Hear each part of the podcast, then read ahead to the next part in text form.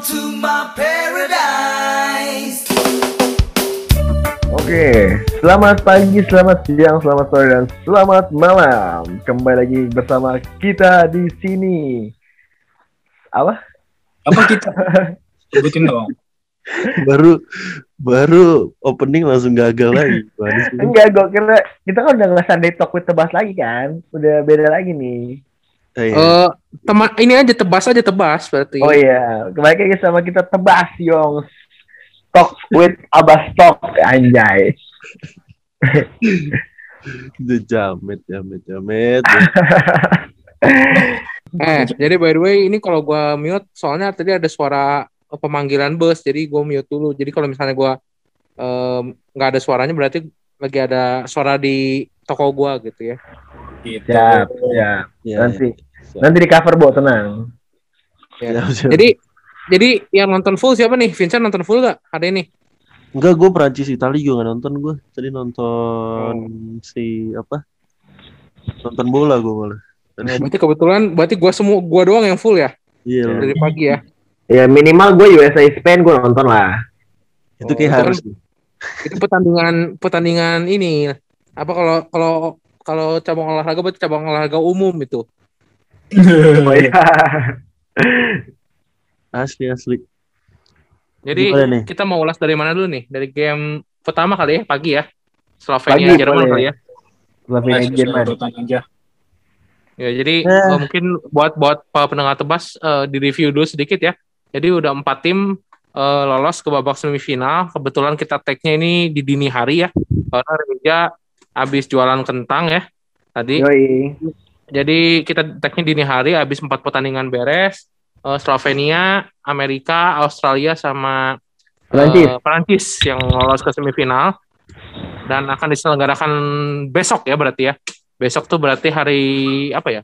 Kamis ya berarti ya. Kamis. Ya Kamis. Kamis. Betul betul betul betul. Hmm, jadi jadi Sloven jadi semifinal sih Slovenia ketemu Prancis ya jadinya ya. Betul. Sama sama USA berarti ketemu Australia. Australia. Ya, ideal lah. Ini menurut gue ini semifinal yang paling ideal sih. Karena siapa pun yang menang yang berhak ke final, mereka layak menurut gue. Eh, Tapi Emang ya. Ter- Kenapa Cang? game Slovenia sama Jerman aja nih langsung nih. Oke. Kita memprediksikannya dengan benar nih. Kay. Oh iya dong. Oh iya dong. Memang, memang sejauh ini sih semua benar ya. Soalnya memang memang sudah memang emang jalan yang udah seharusnya terjadi gitu loh. Iya, jadi Iya. tapi emang emang kita Ada emang sih ya. risetnya emang kita bagus ternyata. Kita riset bagus. Menda- riset bagus mendalam jadinya emang sesuai sama apa yang telah kita riset jadi gitu makanya Iya. kenapa eh tebakannya benar gitu loh jadi asal Tapi lu emang cenayang sih kalau gue rasa sih. jadi buat Kalau teman-teman goreng kentang gak usah bilang riset-riset.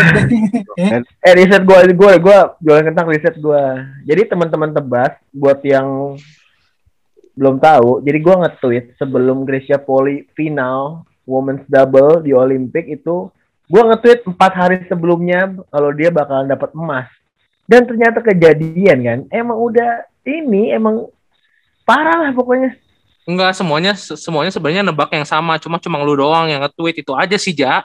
enggak, enggak. lu kenapa sih Bu lu suka banget matahin statement gue Kalau dari 2016 gitu baru keren loh, Za. Nah, Empat tahun itu. yang lalu. Ini empat hari yang lu lalu. Empat hari, empat hari yang lalu dia udah menang berapa pertandingan.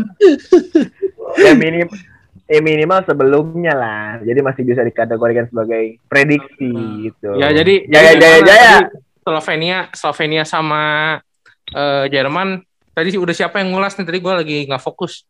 Vincent Vincent Vincent. Oh Vincent. Ya kalau yang eh, Alek udah sama Reja belum? Belum ini si Reja tiba-tiba bahas kemampuan cenayang dia ke Gracia Poli.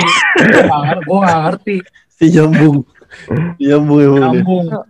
Mungkin gue dulu kali ya. Gue nanti mungkin takutnya ada yang ini lagi. Kalau gue pribadi sih nyaksiin ya udah udah kelihatan ya kelasnya beda banget ya pas apalagi udah eh, Zoran Dragicnya udah on fire udah selesai deh sebenarnya awal kuarter 4 tuh pertandingannya udah selesai menurut gue ya karena eh, kelihatan banget angin sama momentumnya ada di Slovenia ya.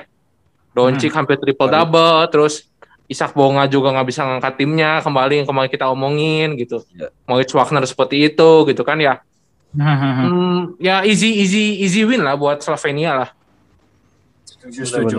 Kalau dari gue sih emang udah udah sepantasnya lah Slovenia menang dari Jerman gitu. Cuman mungkin yang unik, cuma mungkin yang unik dari pertandingan Slovenia sama Jerman itu Moritz Wagner kan juga MVP ya waktu kemarin FIBA qualifying itu yang kemarin. Tapi minute minute playnya buat lawan Slovenia itu tuh dia cuma 10 menit, maksudnya minute playnya sedikit banget. Dan akhirnya dan akhirnya juga salah satunya posan FIBA sih. Posan FIBA yang kemarin gue bahas di podcast kita yang kemarin Hmm. Posnya kok doncik-doncik mulu. Padahal Vlatko Cancar kemarin juga harusnya jadi man of the match. Akhirnya hari ini Zoran Dragic jadi muka Slovenia Jerman lah istilahnya. Muka baru lah ya, muka baru lah ya. Iya. Bener, bener. Tapi emang tapi emang Zoran Dragic ya kayak yang Abu bilang tadi sih maksudnya bagus banget, bagus banget lah mainnya. Field goalnya juga 11 dari 13 gitu loh. Ya unstoppable lah tadi izin buat Slovenia lah gitu. Iya, iya, iya. Tapi lu lihat lihat ke si Goran kan di rumahnya kayaknya itu di Slo- Slovenianya goyang-goyang itu ada videonya yang viral itu. Lihat Iya, lihat. dia lihat. meragain kan. Iya yang diperagain itu. Meragain Zoran. gaya di Zoran. Iya sih itu ya gue nggak kebayang sih kalau si Goran masih main mungkin lebih kuat lagi sih menurut gue ya backupnya ya minimal minimal kayak Gak Paul lah Pau Gasol lah jadi backup yang buat ngasih menit eh, istirahat aja gitu buat pemain utamanya Harusnya ya. Ya, Soalnya mereka kan juara Eropa kan. Pas ada yang lengkap tuh si Zoran sama Goran, Doncic. Iya, Iya. waktu ada Goran juara Eropa sih tahun 2017 ya. Goran kebetulan MVP juga kan waktu itu ya. Iya benar. ya sebenarnya Goran juga kan pengalamannya lumayan juga dia di, pernah di Miami juga kalau nggak salah 2006 gitu 2000 berapa pernah di Miami juga dia jadinya Zoran, Zoran kali. iya Goran iya Zoran Zoran Zoran juga Zoran juga Iya. Zoran tuh dulu pernah di Miami jadi ya mungkin pengalaman di NBA juga ya ada lah gitu. Ya, mas cukup ngebantu lah ya ngebantu Slovenia karena punya pengalaman di NBA gitu lah. Level tertinggi basket lah bisa kita bilang. Anjay. Iya, iya. Ya Oh, mungkin langsung aja kali ya ke pertandingan kedua yang paling seru kali ya, bukan paling seru sih. Ya Iya. paling ketat lah kalau kita kita bisa lihat ya tadi ya. Paling panas lah ya semua orang nunggu-nunggu banget gitu. Mm-mm. Asli, asli, asli, asli. Siapa yang mau mulai nih? Sok, Gua silakan. gua gua hari ini gua gua. Boleh. Untuk game hari untuk game kedua ini gue coba mau jadi yang pertama nih. Gimana? Gue gue kayaknya mau ngelus ngelus bahunya Ricky Rubio dulu sih ini sebelum gue ngasih statement. Kenapa? Kayaknya dia kayak dia capek banget tuh ngegendong Spanyol tuh kayak gitu. Khusus khususnya di kuarter 3 kuarter 4 ya. Iya. Itu kuarter 3 kuarter 4 sih bener-bener apa? Dia emang Spanyol benar coba share the ball gitu kan, coba share the ball, co- coba pick and roll, coba ngelakuin pola yang dia punya, cuman ternyata nggak jalan dan ujung-ujungnya yang poin Ricky Rubio lagi, entah itu dari luar three point, dari garis luar garis ataupun dia ngedrive sendirian coast to coast. Iya. Dan dua kali dia abis coast to coast Kevin Durant, coast to coast Kevin Durant, layup masuk, and then eh abis itu dia lakuin lagi, gue lupa siapa, dan dia poin lagi dan itu mungkin kalau nggak salah hitung ya gue ya, dia itu hampir eh, 11 11 atau 9 gitu atau 8 ya poin berturut-turut dari dia semua. Dari Goran eh Goran Dragic lagi. Dari Ricky Rubio semua. Iya, iya. dan itu nggak membantu juga kebetulan karena mungkin defense-nya si Spanyol juga nggak begitu bagus gitu kan. Nggak bisa ngejaga Kevin Durant di garis three point juga. Ya mungkin emang berat banget lah jagain Kevin Durant 6-11 gitu kan. Dengan wingspan sepanjang itu. Dengan shooting form semacam itu juga ya berat buat ngejagain dia di luar garis. Plus sama defense USA juga beberapa kali cukup lumayan lah. Maksudnya beberapa kali turnover gitu kan dari dari Spanyol dan point of turnovernya juga cukup banyak di kuarter 3 sama kuarter 4 jadi ya wajar lah kalau Spanyol kalah. Soalnya juga selain Rubio juga belum ada yang bisa ngangkat juga sih dari Iya, iya. Spanyol. Kalau menurut gue sih gitu sih tapi pas gue nonton pertandingannya nih. Hmm. Enggak sebenarnya kalau kalau gue lihat eh, kan kemarin kita udah, udah bilang ya kalau misalkan eh, game ini tuh game yang apa kalau misalkan lu bermain as a team tuh bakal bisa come up dan menang gitu. Dan terbukti si USA itu benar-benar main dengan tim sih kalau gue lihat tadi. Betul. Kevin Durant dengan 29 poinnya kita sampingin itu dulu. Tapi Jason Tatum, Jrue Holiday, Damian Hmm. Lillard sama Zach Levine tuh di atas 10 poin mereka poinnya. semuanya semuanya bermain dengan apik lah ya maksudnya Iya, saling percaya satu sama lain juga gitu loh Cukup Benar, banyak yang double digit point juga kan. setuju, setuju. Dan Hmm. yang disayangkan sih Mark Gasol sama Paul Gasol sih mereka 0 poin ternyata men di game tadi. hmm, sedih banget ya Oh iya, serius? Iya, perpisahan yang kurang mengenakan nih lihat. eh tapi tapi emang Mark Gasol udah mau perpisahan ya kan baru Iya, udah. Mark Hmm, Gasol udah jadi- menyatakan diri bahwa dia akan itu jadi game terakhirnya dia buat Spanyol karena dia ngerasa udah cukup berumur walaupun gak begitu tua, nggak setua Pau Gasol. Dia merasa bahwa Spanyol butuh regenerasi. Jadi dia memberikan tempatnya, tempatnya kepada mungkin center-center yang lebih muda dan lebih berbakat. Memang Tadi memang Spanyol juga regenerasi pemainnya kan juga cukup banyak lah ya. Ada mungkin big man ada Osman Garuba juga kan nggak kayak misalnya nggak kayak nggak kayak Argentina gitu loh. Forward forward ya harus Luis Ko- harus Luis Scola ibaratnya. Iya, Tapi sih. mungkin kalau ada concern yang gue lihat tadi di game Spanyol sama United States, gue kasihan lihat muka Pau Gasol sih. Iya. Itu itu gue bisa itu gue kebayang sih maksudnya dari pandangannya dia tuh pasti mikirnya anjing kemar kemarin kenapa gue kalah lawan Slovenia. Kalau enggak gue minimal semifinal kan. Iya, iya. Benar sih. Siapa yang pengen juga sih ketemu US kan? Iyalah. Ya, ya kalau kalau gue kalau kalau gue pribadi sih tadi gue ngelihatnya sebenarnya momentum Spanyol tuh hilang eh, ini ya pas lagi si pelatihnya itu eh, menurut gue terlambat sih terlambat narik keluar si Hernan Gomez. Kan si Willy itu main cukup bagus tuh ya di kuarter 2 sebelum sebelum beres itu kan sebenarnya main dia dia solid banget gitu secara defense sama offense ya. Tapi dia udah kelihatan agak kewalahan di defense dia agak telat sih menurut gue ganti ke Mark Gasolnya supaya istilahnya menetralkan gitu. Ya kuarter 3 udah gak kejar sih ya menurut gue emang udah selesai gamenya menurut gue ya. Walaupun ya Rubio Rubio sampai 38 poin apa pun yang dilakukan masuk gitu istilahnya. Tapi ya Rubio tetap cuma nge-carry ya nge-carry nge-carry tim sendiri percuma juga gitu sebenarnya. Setuju.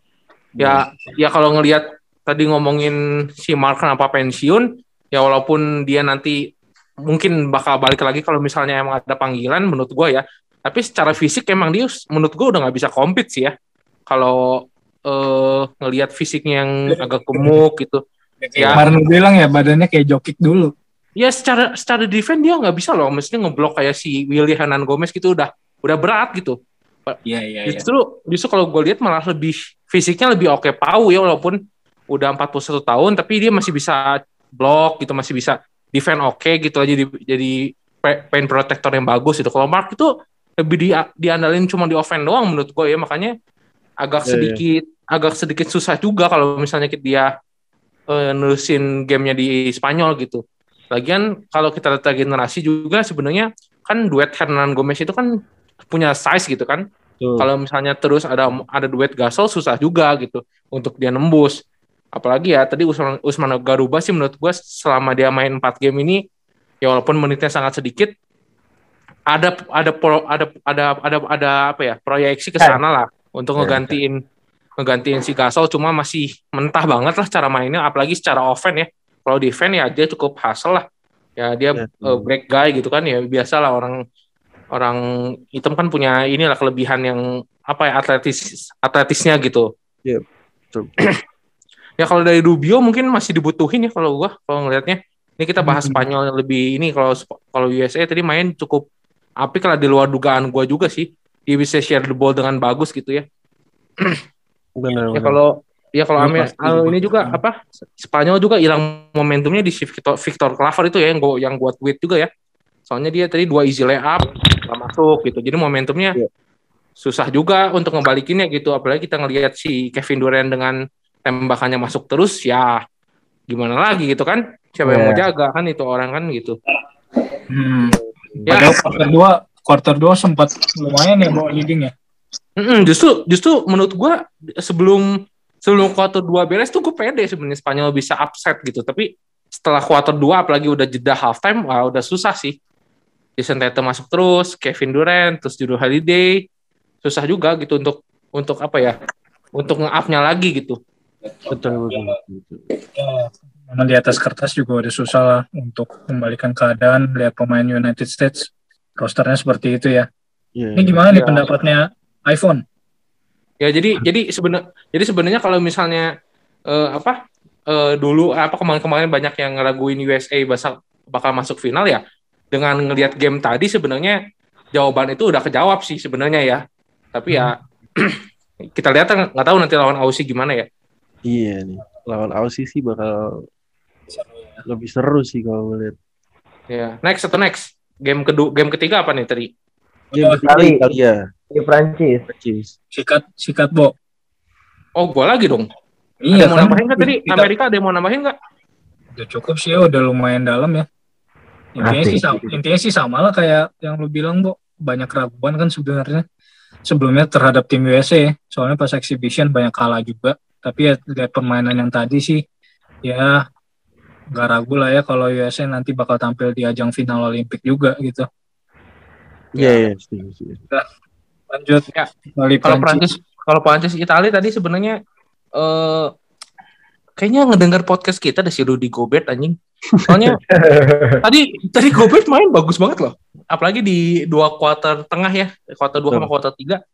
Mainnya ya nggak ada yang bisa jaga dia juga sih jujur aja ya di Italia gitu. Iya. Dengan dengan setinggi gitu, apalagi dia tadi clutch banget lah istilahnya movementnya juga bagus. Eh, cari ruang kosongnya juga gitu. Ya jangan dilupain juga ya Nicolas Batum juga tadi perannya gede banget ya. Outside, Betul. inside juga dia bagus banget gitu. Ya kita udah tahu lah yang mungkin Vincent kalian nonton Clippers waktu di playoff juga ya tahu betapa, betapa pentingnya soal Nicolas Batum gitu di dalam tim ya. Dia tuh salah satu pemain yang mungkin menurut gua eh, harus ada ya di sebuah tim ya walaupun nggak banyak omong tapi eh, ok- dominan gitu, dominan secara offense sama defense gitu. Jadinya eh, beruntung banget lah sebenarnya eh, Perancis punya dia gitu. Nah kalau dari Italia sendiri sih kalau gue lihat ya kembali lagi ya si Fontecchio lagi sebenarnya yang jadi momentum dia. Three point dia bagus, apa bagus, eh, apa eh, cari ruang bagus. Cuma ya teman-temannya kurang up juga gitu. Galinari juga tadi kan dia mainnya jadi role player ya nggak jadi pemain utama gitu. Ya nggak bisa harapin banyak juga ya soalnya tadi Perancis main juga bagus banget sih menurut gua. Nando De Colo eh, pergerakannya bagus, Evan Fournier kembali yang nunjukin kelasnya. Nah, Evan Fournier itu malah menurut gue tadi lebih ke share the ball-nya lebih bagus ya. Yang eksekusinya banyak kayak Rudy Gobert, eh, Nicolas Batum gitu. Fournier cuma ya bagi-bagi bola aja walaupun dia poinnya banyak juga gitu ujung-ujungnya. Cuma ya peran Fournier ya cukup penting juga lah di Prancis gitu. Benar. Ya mungkin ada yang mau nambahin kali. Ngedenger doang atau gimana tuh? Enggak, gue tadi soalnya sempet nonton sama, sama si Alex tuh berdua. Cuman kayaknya gamenya kurang seru gitu. Makanya kita udahan Alex ya. Iya lebih tepatnya tempat kentang lu nggak ada wifi. Males gue.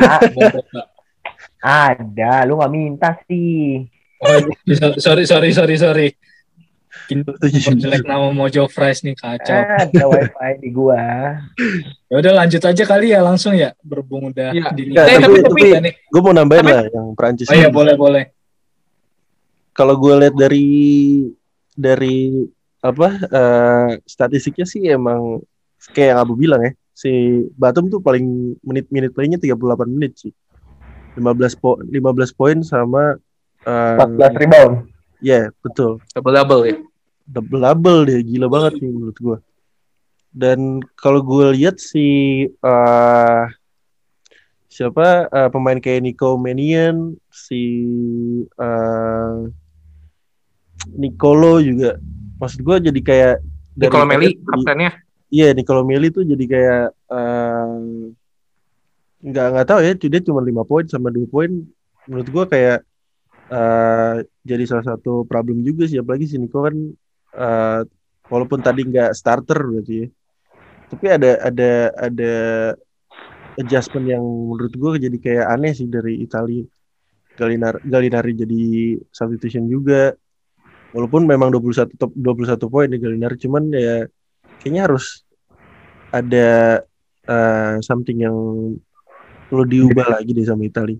Cuman kalau untuk Apa- Prancis emang as a, as a team ya mereka bisa bisa compete sih sama Slovenia kalau gue lihat Ya mungkin mungkin kalau menurut gue ya Italia itu pemainnya masih satu level lah di bawah Slovenia ya kalau misalnya mau dibandingin sama Slovenia yang ibaratnya kebanyakan pemainnya banyak di Eu- Euroleague gitu. Satu Hmm. level sih menurut gue di bawah pemain Slovenia ya atau nggak tahu ya pemain Slovenianya ke bawah sama si. Doncic atau gimana. Menurut gue sih begitu ya. Kalau misalnya kita lihat permainannya juga agak agak susah nge-up-nya gitu kalau udah ketinggalan gitu. Hmm, seru sih, seru sih. Gua ngelihatnya sih seru sih. Nih Slovenia ketemu Prancis. Di satu sisi, di satu sisi dari Slovenia unggul di di pemain small man-nya, tapi di Prancis lebih unggul ya di pemain big man-nya. Walaupun kita lihat Mike Toby permainannya cukup bagus sih beberapa game ini, cuman kayaknya kalau ketemu Rudy Gobert sih menurut gua agak kewalahan juga sih. Apalagi permainan yang tadi ya Boy, habis dia denger podcast kita, kayak orang gila kan kata lu. Iya. Jadi jadi istilahnya nggak perlu lah lu dominan di pen area, yang penting lu cari ruang, lu tinggal uh, post up sedikit naik, tinggal cari uh, apa kale up sedikit, ya tinggal ngedang gitu. Ya gitu aja mainnya dia. Simple aja bu ya, yang penting poin. Iya. betul betul Ya next, oke terakhir. Ya, lu ja nonton pastikan lu. Game terakhir ya, yang tadi terakhir nih Game terakhir itu Australia lawan apa sih gua nggak nonton deh. Argentina Argentina. Oh iya Argentina. Kalau nggak nonton mending Alek dulu. yang ada standing yang ada standing ovation yang cukup mengharukan ya. Betul. Lama loh itu standing ovation-nya. Oh, lama itu, lama itu. Gua gua pengen nangis juga loh nontonnya. asik Terharu lu ya. Terharu lah, terharu lah gila walaupun gak kenal sih gitu. Cuma Oh, iya. mungkin kalau buat game Australia sama Argentina ya. Nih, nih semoga, nih semoga sih siapa buat tadi yang guard yang tadi Nathan Sobe. Nathan Sobe. Sobe. Semo- Semoga bisa dengar podcast ini sih. Anda Anda main basket apa pemain Tarkam? Kasar kasar banget dilihat-lihat. Maksudnya ya kalau review dari per- permainan tadi ya Australia sama Argentina sebenarnya tetap masih komplit ya sampai quarter 3 ya. Cuman jauh di jauh di quarter 4, jauh pas di quarter 4 lah ya. Quarter 4 tuh langsung jauh banget gitu loh Iya. sampai quarter 3 sih sebenarnya masih oke-oke aja ya gamenya. Mungkin akibatnya gara-gara dari Argentina Luis Scolanya udah foul tiga kali ya di quarter 1 apa quarter 2 sih, Bo? Kuartal 2 udah foul 3. Oh, iya, quarter 2 udah foul tiga kali itu cukup ngaruh juga sih jadinya Hati-hati banget kali mainnya ya. hati-hati banget Argentina mainnya.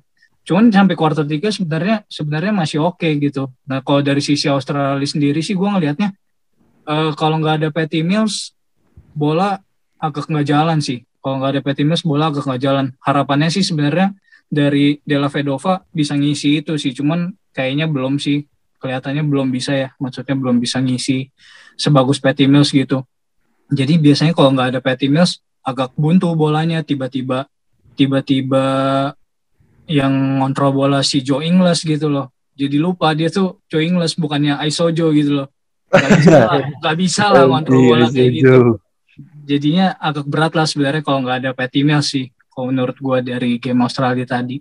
Iya, iya. Ya, sebenarnya kalau nambahin dari Patty Mills sebenarnya yang bawa bola emang tetap Joe Ingles ya. Cuma adanya Patty di lapangan itu eh, Patty itu suka muter-muter nggak jelas. Jadi kalau misalnya lu di lapangan Ya, misalnya lu di kiri, lu tiba-tiba muter ke kanan, lu untuk cari pick aja gitu, cari cari cari cari form shooting gitu. Tapi Iya. kalau misalnya dia nggak bisa dimuter lagi, itu yang sebenarnya eh secara nggak langsung ya itu mem, apa, merusak pertahanan, iya merusak pertahanan lawan gitu.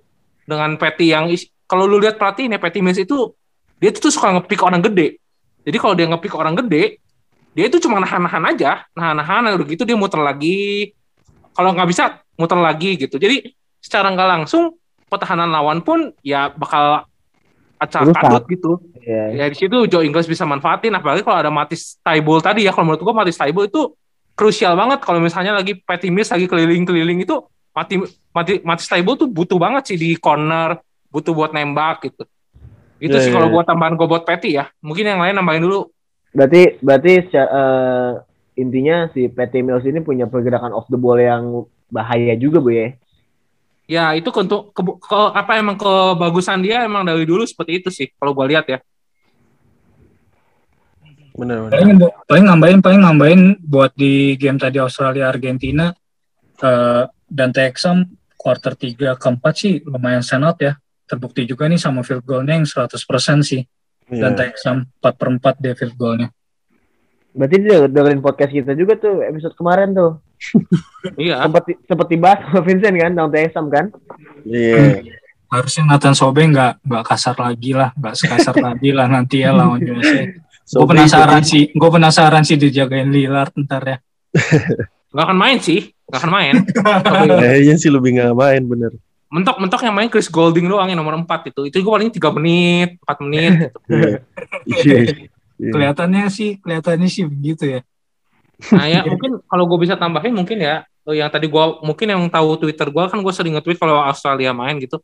Kalau Dante Exum emang tadi di quarter 1, quarter 2 cuma 3, 3 fall gitu tanpa poin. Tapi di quarter 3 sama quarter 4 ya dia nunjukin lah dia punya emang punya potensi gitu di di tim Australia ini gitu. Tapi yang gue concern adalah yang kemarin eh, kita omongin gue sing, gua singgung lagi sekarang ya. Mungkin nggak adanya Aaron Baines itu kelihatan banget apalagi di quarter 1 ya.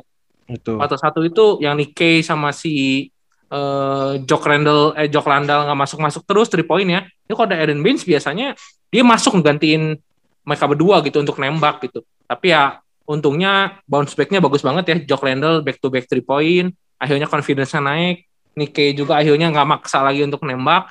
Jadi main di bawah lagi nyari nyari bola dari Patty Mills atau Matthew Della Vedova gitu. Jadi Hmm. ya udah enak banget sih sebenarnya kuarter tiga tadi Aussie main ya. Jadi mau apa pun yang siapa pun yang nembak itu pasti masuk gitu. Hmm, apalagi di quarter 4 ya Boy ya. Udah kayak sihir. Udah mulai Iya, nyaman iya. berarti boy ya di kuarter Iya, tiga. itu udah Mulai nyaman. Nyaman. udah Quarter 4. Ya kalau dari sisi Argentina, dari sisi Argentina emang dia dari tiga pertandingan sebelumnya pun di kuarter satu selalu bagus ya. Apalagi kalau kita lihat eh, Campazzo sama Sekolah, emang mereka yang nge- ngepimpin timnya kuarter satu kuarter dua emang selalu bagus, tapi emang kuarter tiga kuarter empat selalu ngedrop dan akhirnya di game ini juga kelihatan ya ngedrop banget, nembak juga ya namanya orang lagi bau terus dipaksain frustasi ya gitu semua gitu. Hmm. hilang, hilang momentum juga sih kalau menurut gua. Setuju, setuju, setuju. Kira-kira cukup ya. Hmm. Ya. Iya, kira-kira ada yang mau nambahin lagi nggak? Gue sih cukup nih. Apa Gua kita on langsung ke prediksi nih menang di semifinal nih. Lo pada jagoin siapa nih? gua tunggu-tunggu nih. Prediksi gua, prediksi gua sih emas tetap USA sih. Gokil. Perak, perak diambil Slovenia lah.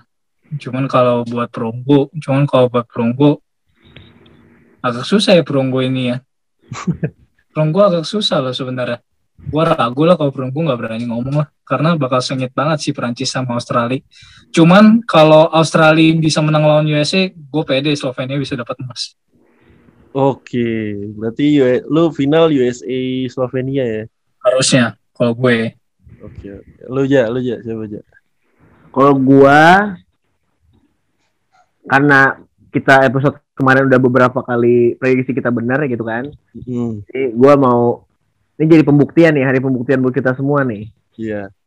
Kalau emangnya bener lagi berarti ya emang lu, lu semua harus denger podcast ini sebelum nonton pertandingan basket sih. Biar lu tahu lebih siap. awal. Siap. Siap Lord. Bang Cenayang. Ya, siapa tahu lu judi kan menang ya kan. Jadi kalau menurut gua nih USA ketemu Australia bakalan sengit, bakalan sengit dan kemungkinan Australia bakal menang. Nggak tahu kenapa. Emang si Aki-aki ini emang jago, emang gua akuin Patty Mills ini emang jago kalau di Australia. Ya Oke. kayaknya sih dia, kayaknya sih dia bakal clutch di kuarter 4.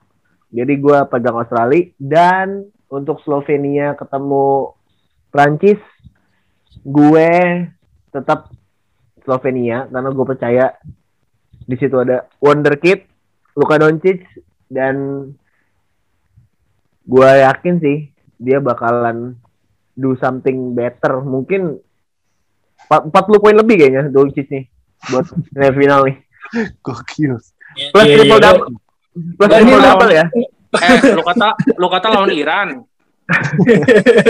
Ini kan ini ini orang ini ini orang bener tebak Gracia Poli empat hari sebelum gede kepala anjing. Oke, lu berarti final ini ja, siapa ja? Oh, berarti finalnya Australia ketemu Slovenia dan Slovenia juara satu eh ya Slovenia juara satu kedua Australia ketiga USA udah jelas Oke. kalau gua Oke. Lu, Bo. Ya kalau kalau gue sih mungkin banyak mungkin dari yang banyak orang pasti pengennya Slovenia sama USA ya. Iya. USA dalam satu sisi USA dengan penuh pemain bintang, Slovenia pasti dengan Luka Doncic-nya gitu. Ya dengan permainannya juga sih sebenarnya gitu. Tapi gue pribadi sih gue emang udah bahkan udah sebelum Olimpiade dimulai ya. Mungkin lu pada matiin story gue, gue pengennya Perancis Australia sih. Kebetulan aja mereka Oke, beda gitu. seat, mereka beda seat dan ada peluang masuk ke final gitu. Dan Hmm. dan sebelum Olimpiade kan kita nggak tahu ya mainnya gimana. Dan setelah Olimpiade berlangsung ini ya layak dua-duanya gitu untuk Betul. masuk ke final. Baik Australia sama Perancis gitu. Tapi yang emang di atas kertas eh, keduanya emang apalagi Australia ya Australia pasti underdog ya di bawah Amerika gitu. Hmm. Kalau Perancis menurut gua agak sedikit ada lah sedikit di atas kelasnya eh, Slovenia gitu. Ya Hmm. semoga aja keberuntungannya Perancis eh, menghentikan sensasionalnya Slovenia lah. Gue sih pengennya Perancis Australia. Hmm, ini Ja baru kalau bener Cenayang. Ya. Ya, kita tunggu aja ya. Mulai. Kita, tung- kita tunggu di games besok aja ya. Iya, iya. Nanti nanti gue siapin deh screenshotannya nanti gue gue screenshot ke grup ya biar bukti. Ah, Iya, emang harus ada di itu, Bu. Jejak digital kalau- namanya. Kalau lu, kalau lu gimana, Ceng? Belum lu? Gua gua kalau game semifinal sih gue pengennya Bebas. dua-duanya overtime nih, biar kayak bola Anjing, bola- biar dramatis bola gitu cowok ya. extra time semua cuy. Bola cowok tuh ada extra time semua, seru banget. Tapi maksud gua ya pasti seru sih kayaknya karena dari Prancis Slovenia nih eh, duet eh duet lagi. Duel Rudy Gobert sama Mike Toby sama Evan Fournier lawan Luka Doncic nih. Kita bakal buktiin siapa yang bakal sangat mendominasi di masing-masing tim. Terus kalau di USA kan sama Australia nih udahlah. Ya ini siapa yang eh, bisa share the ball, bisa bermain as a team pasti bisa bisa masuk final sih. Tapi kalau gue final gue sih justru eh gue sama Prancis, tapi gue Amerika. Wah, beda-beda semua nih. Ini gue demen nih, gini nih, beda-beda nih. Amerika. Iya seru kan, biar seru, Iya. biar seru. Emang si Alek apa tadi Alek? Wah, pakai si Reja, Slovenia USA. Trofenya USA dia. Enggak, gue kan Slovenia Australia, gimana lu? Oh iya oh, iya, beda, beda semua ya berarti Beda ya? lagi, beda lagi, beda lagi. Bisa tuh buat konten Abbas Talk. Kamu tim mana? Oh boleh Chan, boleh Chan. Iya. Orang nggak peduli juga. Orang nggak peduli juga sih tim Alex siapa nih Alex anjing. Iya. Apa-apa, seru-seruan aja. Seruan aja ya. Bisa beda lagi aja. Ya, Ntar voting ya guys ya. Ya, ya, Ayo ya. upload upload di feeds lah nanti kita upload di feeds kan. Yo, Boleh. Yang vote paling banyak dapat apa nih? Dapat hadiah dong. Ya gampang lah bisa diomongin nanti. Asik. dapat tadi. Wah tukeran tuh sama roti nyabo tuh barusan. ya udahlah. Ya udah udah malam semua. Thank you ya semua udah dengar. Ya. Oke. Kita ini apa? Eh nextnya nanti sebelum final mungkin kita undang siapa ya yang lebih seru ya nanti kita pikirin ya. Iya. Kita tunggu, tungguin aja, tungguin Undang- aja. Apa maksudnya bu? Followers. Ya ya siapa aja nanti kita pikirin dulu siapa yang kita bakal undang satu orang aja. Hmm, Oh, kita iya. sih rencana ngundang dari tim tim yang kalah ya. Gue pengen ngundang, ngundangnya sih Nathan Sobe sih masih penasaran. Gitu ya? Si, Gini dulu aja, ya. gini aja. Yang tebakannya benar ke final, cari satu orang gimana? Oke. Oh, iya. Kenapa yang benar jadi Ya Nyari siapa pun, siapa pun mau cewek mau cowok ya terserah gitu. Oke, Ya. menarik nih. Menarik. Oke. Oke ya. Ya. Siap. Oke, guys. semua. Thank you ya. Thank you ya. Itu sudah mendengarkan Bye. tebas malam Terima ini. kasih Eh, malam ini, teman-teman. hari ini. Hmm. Selamat sih, selamat pagi, selamat siang, selamat sore dan Oke, bye. Assalamualaikum. Nah.